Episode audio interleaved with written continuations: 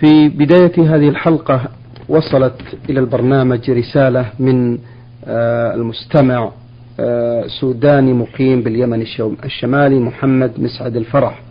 يقول لقد قرأت حديثا للصحابي الجليل أبي هريرة رضي الله عنه عن الرسول الكريم صلى الله عليه وسلم أنه قال ما تعدون الشهيد فيكم؟ قالوا يا رسول الله من قتل في سبيل الله فهو شهيد. قال إن شهداء أمتي إذا لقليل. قالوا فمن هم يا رسول الله؟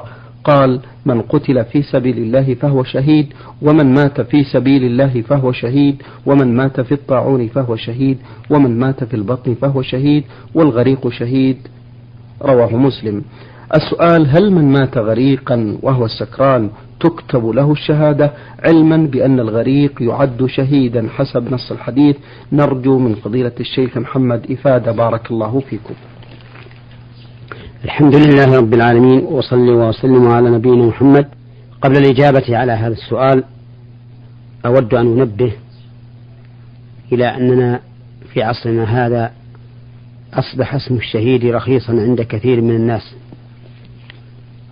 حتى كانوا يصفون به من ليس أهلا للشهادة. وهذا أمر محرم. فلا يجوز لأحد أن يشهد لشخص بشهادة إلا لمن شهد له النبي صلى الله عليه وسلم. والشهادة وشهادة النبي صلى الله عليه وسلم بالشهادة تنقسم إلى قسمين. أحدهما أن يشهد لشخص معين بأنه شهيد. كما في الحديث الصحيح أن النبي صلى الله عليه وسلم صعد أحدا ومعه أبو بكر وعمر وعثمان. فارتج الجبل بهم. فقال النبي صلى الله عليه وسلم أثبت أحد فإنما عليك نبي وصديق وشهيدان فمن شهد له النبي صلى الله عليه وسلم بالشهادة بعينه شهدنا له بأنه شهيد تصديقا لرسول الله صلى الله عليه وسلم واتباعا له في ذلك. والقسم الثاني ممن شهد لهم النبي صلى الله عليه وسلم بالشهادة أن يشهد النبي صلى الله عليه وسلم بالشهادة على وجه العموم كما في الحديث الذي أشار إليه السائل في أن من قتل في سبيل الله فهو شهيد ومن مات في سبيل الله فهو شهيد والغريق شهيد إلى غير ذلك من الشهداء. الذين ورد الحديث بالشهادة العامة من غير تخصيص رجل بعينه.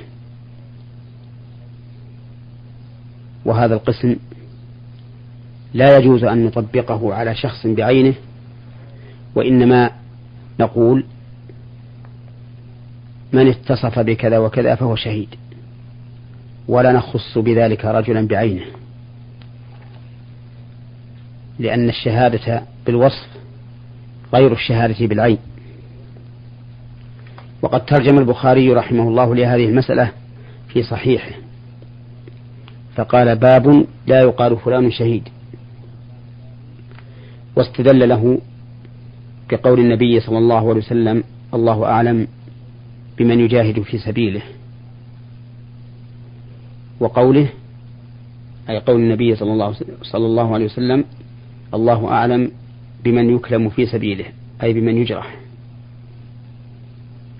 وساق تحت هذا العنوان الحديث الطويل المشهور في قصة الرجل الذي كان مع النبي صلى الله عليه وسلم في غزوة وكان شجاعا مقداما, مقداما لا يدع للعدو شاذة ولا فاذة إلا اتبعها يضربها بسيفه.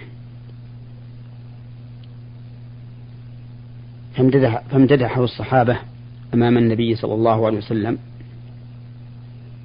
ثم ساق البخاري رحمه الله الحديث بطوله وفيه أن النبي صلى الله عليه وسلم قال إن الرجل لا يعمل. لا يعمل عمل أهل الجنة فيما يبدو للناس وهو من أهل النار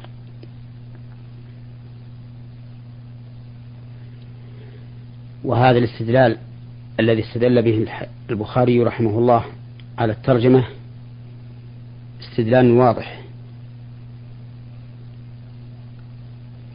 لأن قوله صلى الله عليه وسلم الله أعلم بمن يجاهد في سبيله أو بمن يكلم في سبيله يدل على أن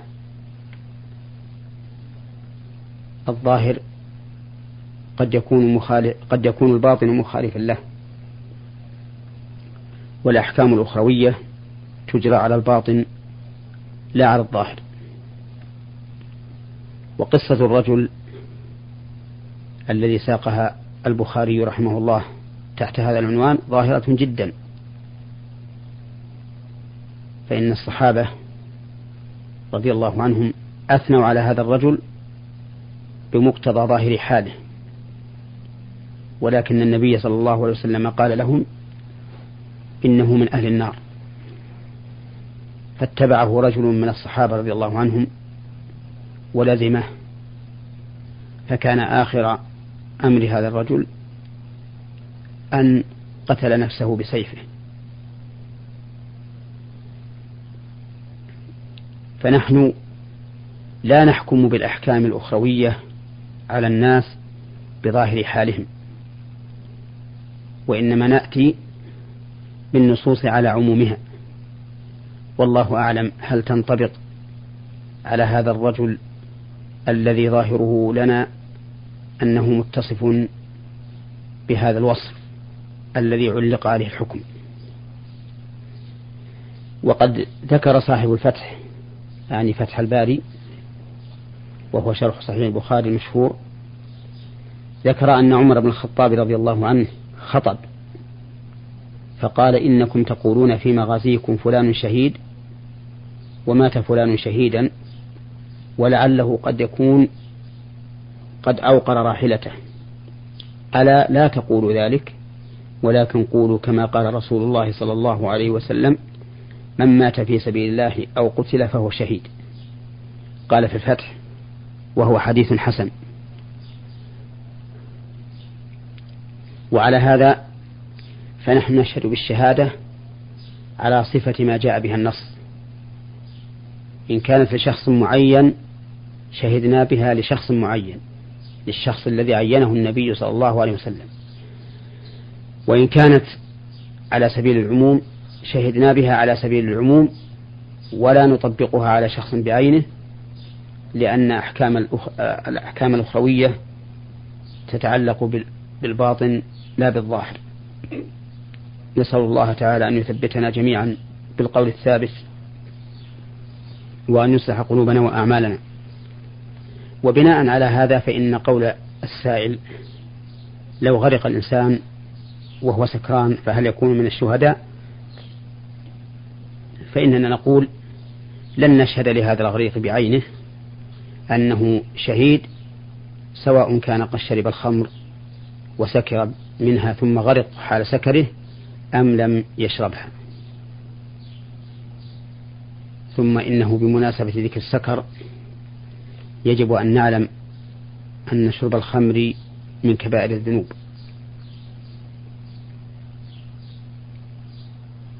وأن الواجب على كل مسلم عاقل أن يدعها وأن يجتنب أن يجتنبها كما أمره بذلك ربه عز وجل.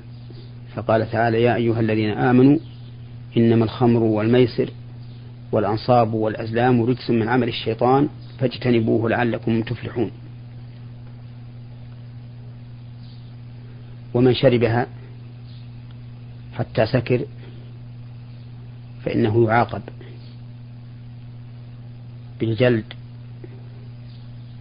فإن عاد جلد مرة أخرى فإن عاد جلد مرة ثالثة فإن عاد في الرابعة فإن من أهل العلم من قال يقتل لحديث ورد بذلك ومنهم من قال إنه لا يقتل وأن الحديث منسوخ ومنهم من فصل كشيخ الإسلام ابن تيمية فقال إنه يقتل إذا جلد ثلاثا أو أربعا ولم ينتهي. قال شيخ الإسلام إنه يقتل إذا لم ينتهي الناس بدون القتل. يعني بحيث انتشر شرب الخمر في الناس ولم ينتهوا عنه بعد تكرر العقوبة عليهم فإذا لم ينتهوا إلا بالقتل فإنهم فإنه يقتل. وعلى كل حال فإن الواجب على المؤمن اجتناب ذلك. وأن نسعى جميعا إلى الحيلولة دون انتشاره بكل وسيلة. والله موفق بارك الله فيكم.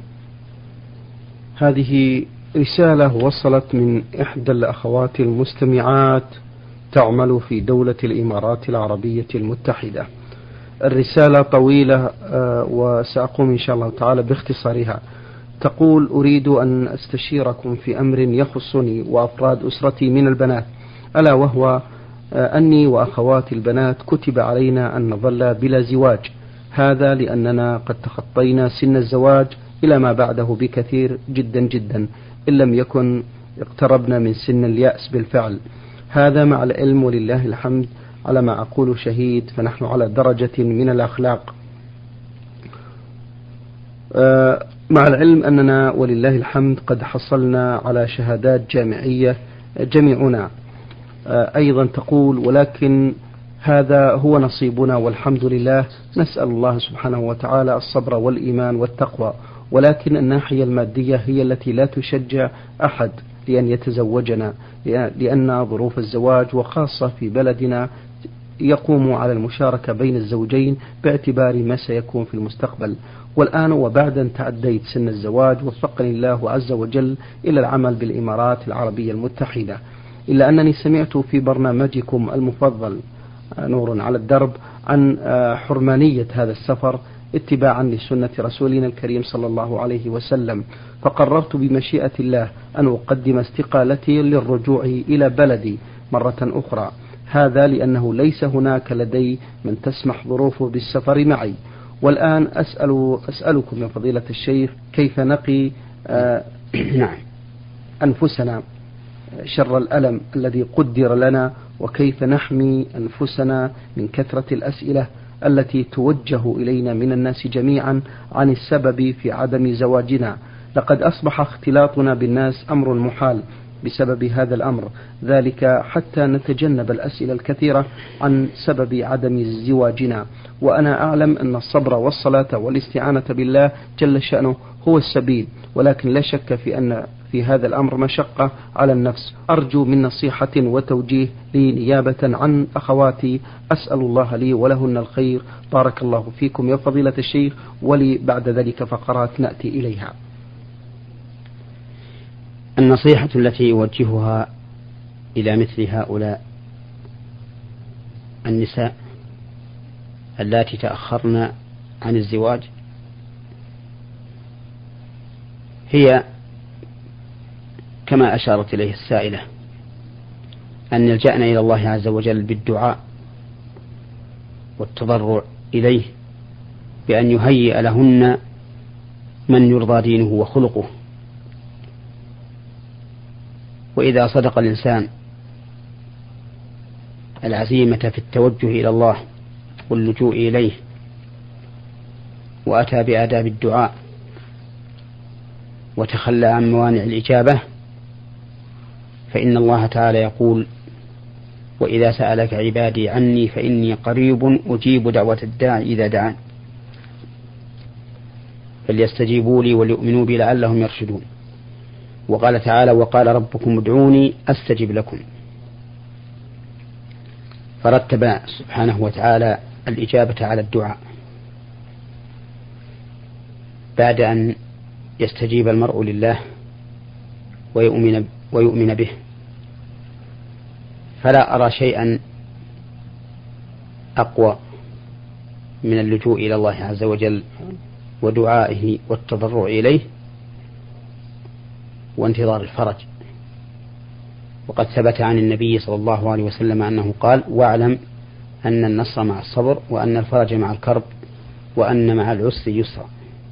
وأسأل الله تعالى لهن ولأمثالهن أن ييسر لهن الأمر وأن يهيئ لهن الرجال الصالحين الذين يعينهن على صلاح الدين والدنيا. نعم. اللهم آمين. أه، نقطة فضيلة الشيخ تقول في المستمعة هل عدم أه، زواجنا هذا بما يسببه لنا من ألم فيه تكفير لذنوبنا فهل هذا الحرمان ينطبق على حالنا أم هو نصيب ومكتوب فقط؟ ولا شك أن هذا الذي حصل نصيب ومكتوب. فإن الله سبحانه وتعالى كتب في اللوح المحفوظ ما هو كائن إلى يوم القيامة. وكتب على العبد أجله وعمله ورزقه وشقي أم سعيد. وقد أشار الله تعالى إلى ذلك في قوله ما أصاب من مصيبة في الأرض ولا في أنفسكم إلا في كتاب من قبل أن نبرأها. إن ذلك على الله يسير. لكي لا تأسوا على ما فاتكم. ولا تفرحوا بما آتاكم. ومع كونه مكتوبا مقدرا من الله عز وجل فإن الله تعالى يثيب المرء عليه إذا صبر واحتسب. فإذا صبر الإنسان واحتسب على المصيبة كان في ذلك تكفير لسيئاته ورفعة لدرجاته وتكثير لثوابه. قال الله تعالى وبشر الصابرين الذين إذا أصابتهم مصيبة قالوا إنا لله وإنا إليه راجعون أولئك عليهم صلوات من ربهم ورحمة وأولئك هم المهتدون. وقال تعالى إنما يوفى الصابرون أجرهم بغير حساب. نعم. آه، النقطة التي تلي هذه النقاط تقول هل والدنا الفاضل أعطاه الله الصحة وإياكم؟ آه، إن شاء الله تعالى يمكن أن يسأل عن ذلك الأمر يوم الدين. والدكم لا يسأل عن ذلك يوم الدين إلا إذا كان سبب التأخير منه مثل أن يأتي الخطاب الذين ترضى أما الذين يرضى دينهم وخلقهم ثم يردهم نظرا لما يحصل من كن من مادة له بهذه الوظائف فإذا كان الأمر كذلك أي أنه يرد الخطاب من أجل مصلحة مادية تعود عليه فلا شك أنه آثم بذلك. وأنه لم يقم بواجب الأمانة فعليه أن يتوب إلى الله ويستغفره من هذا العمل وأن يبادر بتزويجكن من حين أن يأتي الخاطب الذي يرضى دينه وخلقه. نعم. هذا سؤال من أحد الإخوة المستمعين سليمان من قرية المخروبة بجمهورية مصر العربية. يقول في قريتنا البعض من الناس يذكرون الله بصوت مرتفع وهم وقوف ويصلون على النبي صلى الله عليه وسلم ويفعلون ذلك في ليلة الاثنين والجمعة. نصحتهم بذلك وقلت لهم بأن هذه بدعة في الدين. سخروا مني وقالوا لي إننا على صواب وأنت الذي على خطأ وإني رفضت هذا الكلام ولا أبالي. الرجاء من فضيلتكم النصح لمثل هؤلاء. إن نصيحتنا لمثل هؤلاء أن يتقوا الله عز وجل في أنفسهم وأن يعرفوا قدر أنفسهم وأن يعلموا أنه لا يحل لهم أن يتقدموا بين يدي الله ورسوله وأنه ليس لهم الحق أن يشرعوا في دين الله ما ليس منه فالدين دين الله عز وجل وهو الذي يشرع لعباده ما تقتضيه حكمته مما فيه مصلحتهم في الحاضر والمستقبل. وهم يعلمون شاءوا أم أبوا أن الدين دين الله وأن الشرع شرعه ولكني أريد منهم أن يطبقوا مقتضى هذا العلم بحيث لا يتجاوزون شرع الله. فيتعبدون له بما لم يشرعه وليعلم هؤلاء أن كل عمل قولي أو فعلي أو عقدي يقومون به تقربا إلى الله عز وجل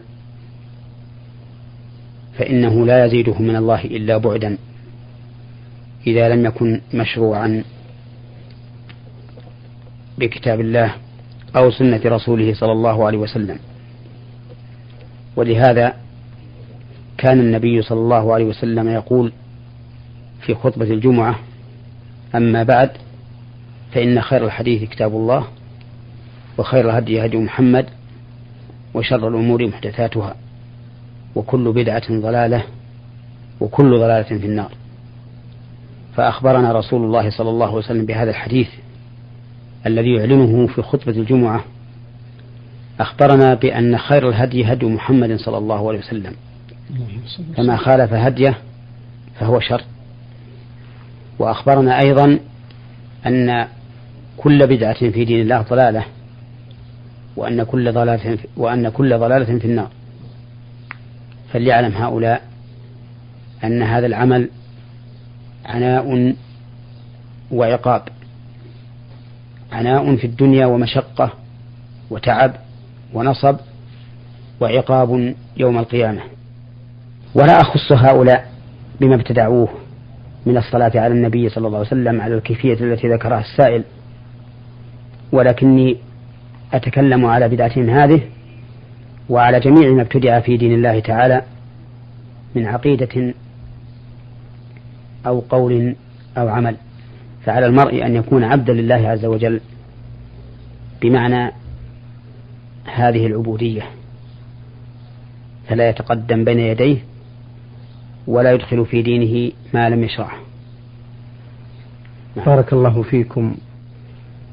في نهاية هذا اللقاء آه، نشكر الشيخ محمد بن صالح بن عثيمين الأستاذ بكلية الشريعة بالقصيم وخطيب الجامع بمدينة عنيزة والذي أجاب على أسئلتكم واستفساراتكم لهذه الحلقة. شكرا لكم أنتم إخوتنا المستمعين الكرام على حسن المتابعة ولنا لقاء بإذن الله تعالى في الغد ونحن وإياكم بخير وعافية بإذن الله تعالى. نعتذر لبعض الإخوة في عدم عرض رسائلهم نظرا لسوء الخط. نرجو منكم إخوتنا المستمعين الكرام أن تكتبوا إلى البرنامج بخط واضح كي نتمكن من عرض رسائلكم على أصحاب الفضيلة العلماء إلى الملتقى. سلام الله عليكم ورحمته وبركاته. نور على الدرب. برنامج يومي يجيب فيه أصحاب الفضيلة العلماء على أسئلة المستمعين الدينية والاجتماعية. البرنامج من إعداد